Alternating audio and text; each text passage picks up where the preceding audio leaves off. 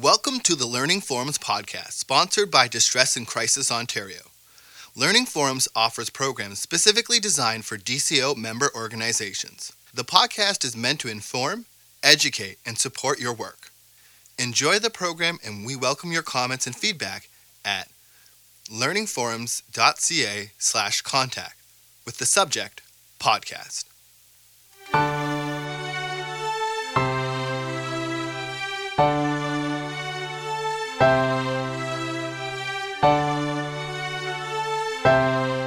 Welcome, Karen. Thank you, Liz. I wonder if you can tell us a little bit about traumatic loss and how it differs from other types of loss. The one thing that distinguishes traumatic loss, I think, is the issue of unpredictability. And as a consequence, survivors, those left behind, struggle to lay blame, uh, look at issues of responsibility and accountability. And given the sudden violent nature of these losses, uh, what we are left with is a maelstrom of emotions uh, that have no place to go because the story is uncertain. Karen, I wonder if we could talk for a few minutes about suicide and how do these factors impact survivors? Well, first of all, you have the tension between uh, public event and community grief. Because these deaths are perceived as preventable, the community feels they have a right to know, and a lot of the grief is processed out there in the community. I think a lot of people aren't aware of the fact that suicide, the Latin root derivation of that is self murder, and the consequence of that is a series of push pulls in opposite directions, both for the community as well as surviving family members. Uh, if I could give a couple of examples, within the community, uh, the better we feel we are at suicide prevention, in fact, the harder we are on survivors. Uh, they're always perceived, the suicide is always perceived as a failure. As well, we understand that um, as a community, we feel powerful around suicide prevention, but for uh, those failures, there's a sense of powerlessness when we look at survivors themselves, you know, that notion of paradox, being pushed and pulled in opposite direction holds true as well. Can you love the person but hate what they did? Can you uh, grieve the person and not just how they died? Is it possible to express regret and not take on resp- responsibility for the entire death? And finally, I think the hardest part is really to struggle with the notion that the death only makes sense in the context of that person's life. So to move forward through our grief, we have to go back into that life. So, specifically, the role that trauma plays in all of this? I think trauma, uh, suicide, homicide, and other sudden violent deaths take place in the public forum. Um, I, one of the things um, that I think most of us don't appreciate is the fact that most people in today's society die in an institutional setting, and death is relatively sanitized. 70% of suicides occur in the home. And what we have is something that is an assault on our senses. Uh, that brings in investigators, police, coroners. There is this overlay uh, because of the violence, uh, the fact that it implodes on space that really were sanctuaries for us. And I can well imagine that that has different types of effects on different members in families or other third parties, survivors of a situation like that. Well, you know, we, you're so right, Liz. We do know, in fact, that uh, amongst people who discover the body, uh, there's a much higher incidence of post-traumatic stress disorder. And that's one of the issues is just the visualization um, and having to deal with emergency personnel. Also, the notion that suicide, for example, uh, the police have been very honest with respect to saying that every suicide is a homicide under investigation. And it's that whole process of judgment, of trying to figure out what the cause of death was, that families have said that within 72 hours, that notion of shame and stigma sets in. So, as from a societal point of view, uh, we actually have some complacency in making families of those who have suicided feel additionally worse because of the language that's used. language becomes a horrific kind of issue. We talked about victims and survivors. Um, some people feel like they're victims. They've been victimized first by the person who's abandoned them or gotten into this difficult situation by the sense of being judged. Uh, they don't like being called survivors. Then you have survivors who feel really, really uncomfortable saying they feel like victims. You know, they're not at a place where they imagine surviving. What do we call the cause of death? Um, I grew up at a time when we talked about committing suicide, and I was really held to account because people talk about committing a crime or committing an offense. Then the phrase became completing suicide, and now people are still uncomfortable with that, and they talk about dying as a result of suicide or homicide. I think all of the difficulty with language speaks to the paradox, the push pull of, of loving and hating. Um, of uh, questioning what happened. And I think that is the overlay on top of the usual grief experiences, struggling with all of those issues.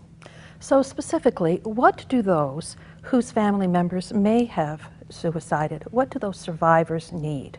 What can we offer them? You know, the example that I give is that when someone dies a sudden violent death, what they are left with is an out of focus black picture photograph. And every time they tell their story, uh, and bits and pieces come in as they talk to people and they get more information, the photograph gets into sharp focus and there's an overlay of color. And that's when the grief really sets in. And over time, as with all old photos, they get fuzzy around the edges and the sepia tones, and that's the memories. And we cannot really grieve what we don't know unless we have a clear picture because the extent of the loss um, is really away from us. And so allowing people to tell their story and not trying to shut them down, I think is really, really critically important. In addition, how we support them around the complex emotions of guilt and anger is really an important other support that we can offer. Do you feel comfortable giving us some examples of that? I would love to give you an example, in particular about guilt. Um, I think as a society, we're not comfortable with people feeling guilty. There's a lot of self help books that really encourage people to get rid of it. But you know, guilt and anger in the short run are explanations in a situation fraught with mystery and not knowing. And in the short run, really may serve that person. As well, how do you separate out what is legitimate regret from uh, illegitimate guilt? And an example that I always use is an instance where a mother whose 27 year old son was telling everybody that the reason her son took his life was because she stopped breastfeeding too soon. Sounds ludicrous, and you can well imagine that within her support network, people really could not tolerate it and could not support her we asked her to explain the connection to us. At the time that she was pregnant, she was fleeing from behind one of the Iron Curtain countries, and this was many years ago. Uh, malnourished, no doctor care, gave birth to a, a young a son who, uh, as a young boy, uh, because of the circumstances of his birth, had coordination difficulties, was small for his age all through his life, came to Canada, was the proverbial kid who was the last to be picked for every sporting event, wrote in his suicide note, I never fit in, I was never like the other boys. Now, as a mother, could she express regret? Did she have the right to express that regret that she couldn't have given him a better start in life? And I think the answer is yes. And when we gave her permission and allowed her to explore that, she was able to forgive herself. And she was also able to, uh, to forgive her son for not doing a better job with the hand that he was dealt. I wonder if you might be able to draw some distinctions for us on what distress line volunteers or crisis line staff should say or how they should listen differently or the kinds of dialogues that they should have with those who've experienced a murder situation as opposed to a suicide. I think one of the things about uh, homicides has to do with the interrupted grieving uh, because of the criminal justice system. And so I think uh, with other so called normal deaths, we have some expectations that sure, there's going to be some regression, but it's a process, a journey that moves forward. With homicide, it's a journey that stops and may move backwards uh, during the investigation, if they arrest or don't arrest a perpetrator, the court uh, date, the whole trial situation, if that person is sentenced, when their parole hearing comes up. And so uh, people will always revisit that event. What both share in common is the real need to tell the story and the attention to detail. And I think one of the things that um, is a difference between the two, and it may surprise some people, that in some ways a, a homicide is slightly less complex emotionally. I'm not talking about intensity from a suicide, because in a homicide, the perpetrator and the victim are two different people. And you can reserve your feelings of anger for the perpetrator and your feelings of love and affection for the victim. But in a suicide, the perpetrator and the victim are the same person. And those feelings of anger and love reside side by side. And the more complicated the feelings, and the more we are moved in so many different directions around those feelings, and as a family, people may be, at, you know, struggling with different emotions and competing and conflicting emotions. I think the harder the grief is to move forward as a journey. I wonder if we might pursue a little bit more about the su- uh, suicide survivor program that you have. And I understand there's also a program that helps individuals who've experienced a homicide in their immediate or close family or proximity. And I understand that a lot of those programs are face to face programs. They are. They are. So, could you talk about what that sort of a uh, situation or how that imparts an easier situation for those who, uh, who want to talk about those issues or have, who have been affected by those issues? In a face-to-face situation, you can actually bring photos. You can pro- that person becomes real. I think. The other aspect is many of those programs have a peer element, whether it's one on one or in a group setting. And because there's such a fear of judgment, and because people feel they're out of the range of the normal experience, even in comparison to other losses that they've had, there is some comfort and ability to tell their story and talk about their feelings in a climate or an environment where they think that people actually quite get it. And so there is a logical process where people talk about their losses, sometimes in graphic detail, talk about the impact it's had on them, uh, the impact of other people's reactions to it, what's happened from a family perspective, and then how they've tried to manage some of those reactions.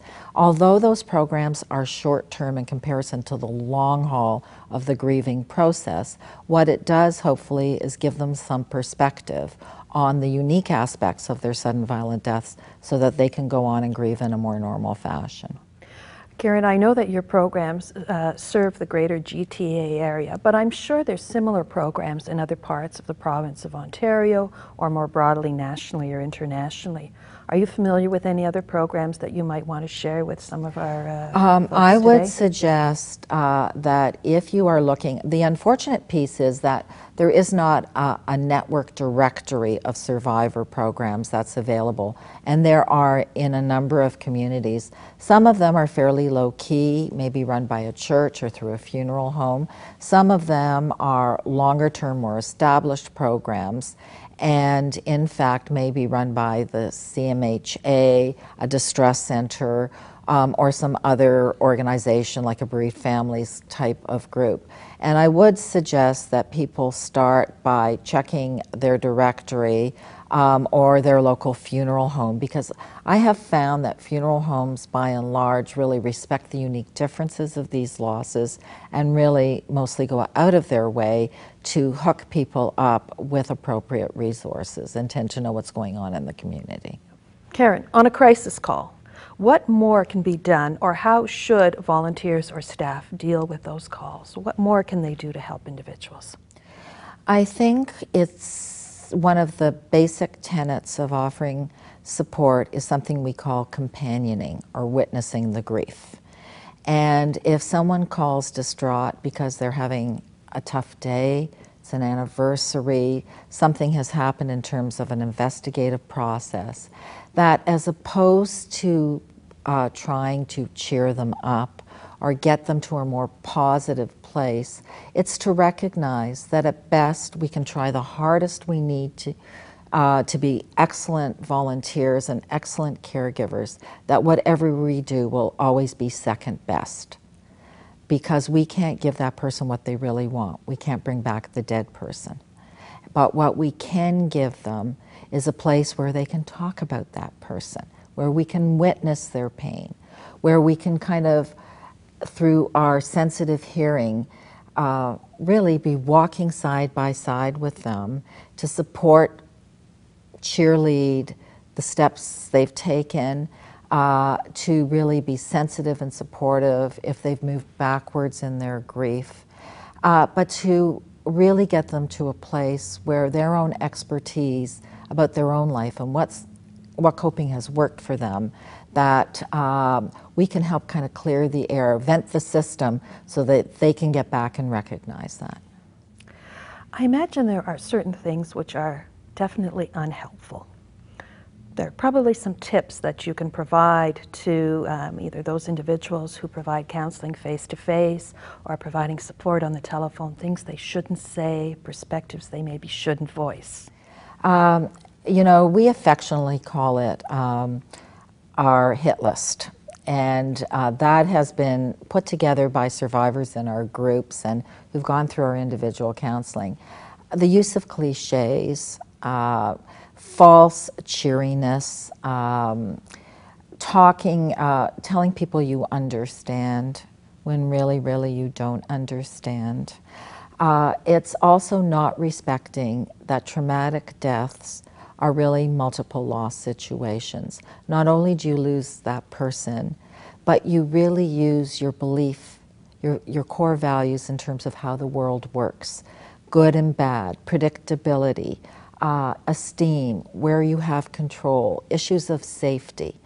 And so I think it's really important for those of us who are trying to offer help to see it as multi layered. So, simplistic answers or trying to rush people through their guilt and their anger uh, as a way of trying to help them avoid uh, being in pain is not helpful. What survivors have told us is they recognize they have to experience that pain and go through it.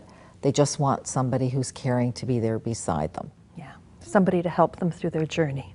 Absolutely, and not keep aborting that journey by trying to short circuit the, the really hard emotions. I've heard people say that there's something called a survivor syndrome. Is that is there really such a thing, Karen? And what would we need to know about that? How I understand the survivor syndrome is that anyone experiencing a sudden violent death or a traumatic death has to grapple with three questions How, and that's the unique violent circumstances, if only, that's the guilt anger balance, um, and why. A search for meaning and an understanding of how this death could have occurred, their role in it, in a way that enables them to move forward. And part of that may be coming to some new understanding, some shifting of priorities, giving back by volunteering uh, to use that death in a way that helps other people, advocacy and suicide prevention. And some of it may be really understanding our vulnerability and accepting that. And we call that living in the presence of absence. Uh, living in the presence of many questions and the absence of many answers.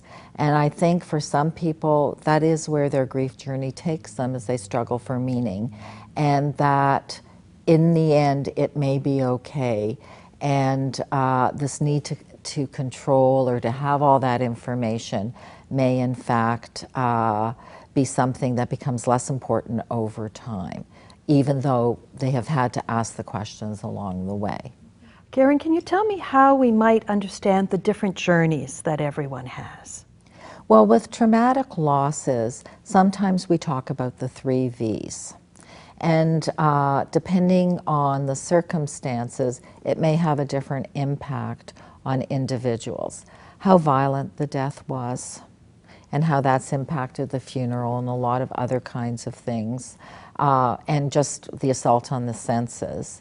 Uh, how much volition there was, and that's an important one. How much do we think that person participated in their own death or contributed to it? Did they deliberately choose to desert, abandon, or reject us? Were they involved in violent behavior that kind of predisposed them to having a violent end to their life? Did they drunk drive and cause a car accident? And so, how much can we really blame them or be hurt by that notion of this death? They were part and parcel of it, and it maybe didn't have to happen. The other piece of that is how much violation there was. There's a lot of secondary victimization that occurs um, after a sudden violent death, the blame the victim.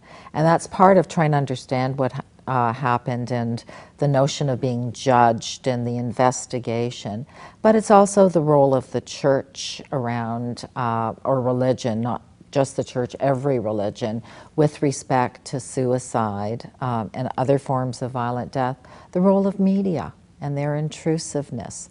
And you know, when we talk about multiple losses, the one that I always come back to, which seems like such a basic loss, and that is the right to your own story. You know, we all have the right to our story and to have a public face and a private life. When a sudden violent death occurs, the community's right to know, and here's that tension between uh, community event and private grief often means that your story no longer is your own and you have no control over it because now everybody knows your story through the media. And so that is a form of violation as well. So sometimes when we look at the differences of how people have reacted or responded to deaths, we try to understand some of those differences in terms of those factors. You touched on um, different things that contribute to the three V's, as you said.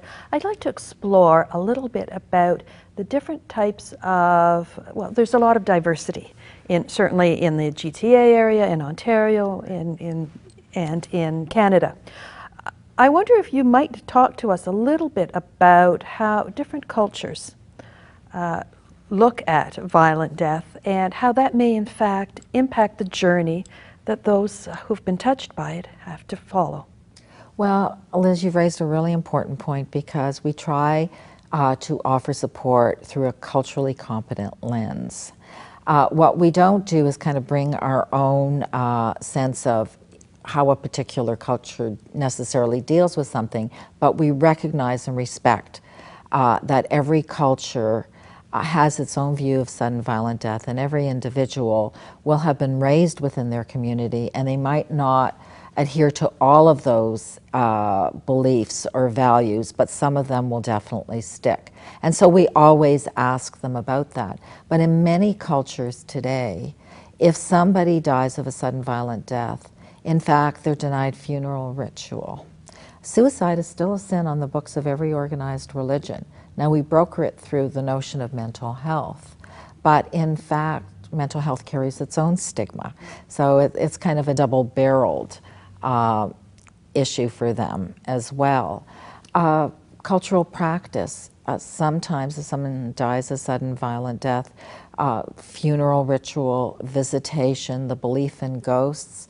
We had a family where a family member hung themselves in the hallway of the home and within 48 hours, they vacated that home because the belief in ghosts was so strong that, in fact, family members and friends who would normally offer support and traditionally be there would not visit the home for fear that the ghost was still active and might invade someone else's body. So there's a whole belief system attached to violent death uh, that is quite different in many communities and cultures that affects practice, that affects the ability to get social support, which is so important because we know that that is one of the most helpful things on that journey is to have that support. Mm-hmm. And how might you recommend that a volunteer on a distress line or a crisis line um, member might access those special sorts of perspectives, if you will, from a cultural point of view if they don't have them? Are there certain ways that they should probe or discuss or listen? Um, I think, first of all, it's acknowledging the role that culture plays. And when there is an opening in the conversation, especially if a person has identified uh, that in my community we have these beliefs or this is what we did, is really to turn to them as the expert. And that's part of that whole companioning model uh, where the person grieving is the expert. We just have to clear a path for them, so to speak. And so it's really saying, and how has that impacted you? And what has the community response been to you? And have you been able to talk as fully and get the support that you need? Because certainly uh, in dealing with some of the sudden violent deaths in some communities, what we've been hearing is that within their own communities, they're not able to get the support because there is a core community value of we don't talk our business. And so people have to actually leave their community. And that may be one of the reasons why people are coming to our program, uh, even though it's a mainstream program, because they recognize that sensitivity. But also, in exceptional circumstances, you sometimes have to leave that community for a short time to sort things out before you can go back and re engage. Is there a difference in how those who've experienced a sudden violent death in their, in their families or in their close groups react if the one who passed away, who died, is of a particular age? Say that they're a young child as opposed to a middle aged person, as opposed to a parent or an aged relative? Uh, definitely, the younger the person who dies, the more complex the reactions, especially in terms of survivor guilt uh, the person died before their time, and if we memorialize them and we're feeling guilty, then obviously there's some worry that the wrong person died. I think that is an issue. But in all of those deaths, uh, there are a couple of factors uh, unfinished emotional business. You know, you didn't get a chance to really clear the air after that last fight, no chance to say goodbye which, uh, when there's a long term illness, is a huge part of the healing process even before the death occurs. And finally, there tends to be a lot of legal and financial complications. And so uh, there may not be a will, there may be some contested things. There's often a, a, power vacuum that's created in a family because you don't have the blessing of the person who's died in terms of a transfer of their responsibilities. So, across the age spectrum, when there's a sudden death, there is a significant consequence. With a younger person, there is that added layer of we do not tolerate the death of young people, and it does create a lot of uh, complex feelings for particularly parents who are surviving. We've talked a fair bit about how individuals who have been touched by sudden violent death in a close situation might react, but certainly now with 24 hour media outlets, everything out on the news about uh, either suicide or murders. Are individuals being traumatized at a distance as well? And do they also feel some of these emotions and the trauma of sudden violent death themselves, even though it doesn't impact them or their close? Or, uh, you know, that is such an important new shift. Uh, we saw that post 9 11 that people, or the Oklahoma bombing, that people were glued to their televisions. And we talk about the worried well, the people that are vulnerable, who start identifying and become fixated and in fact can be shell shocked. But I think one of the difficulties, not only do they get inundated and does it create anxiety and, and really um, a great amount of emotional discomfort, but it also isn't connected to a real process of grief. And so, in some ways, you can have those experiences at a distance, and I think many people are traumatized by that when those events happen. But then, if an event happens in their own life, it's not that they uh, have taken any learnings from that because you know it's a strange situation where intellectually you're traumatized but emotionally you're not engaged. And so we have a generation and a time in our life uh, when uh, there is a need to access that and, and to feel the reactions to those events, to mark them. Uh, and yet they're distorted in some way. And there's been a lot of discussion post uh, Diana's death with all the outpouring of grief and people trying to understand that mass hysteria uh, of someone who was virtually a stranger that they knew at a distance. And it says something, I think, about the evolution of emotions and the safe place to process where people uh, need to grieve so publicly. I'm not sure we quite understand, but we know something is shifting. Well, I guess we'll just have to watch that particular phenomena, and maybe when we talk about this in another five or ten years, we'll understand what that cultural shift means and whether there are other learnings that we'll need to take from that in our crisis and distress line environment. And I think what we will need to know is when there is a major loss like that, we will hear it reflected in the calls on the phone uh, from people who are more isolated and are more vulnerable, who become obsessed with these events and take on some of the issues. We hear from them on the phones. And it's to really understand that they have been impacted.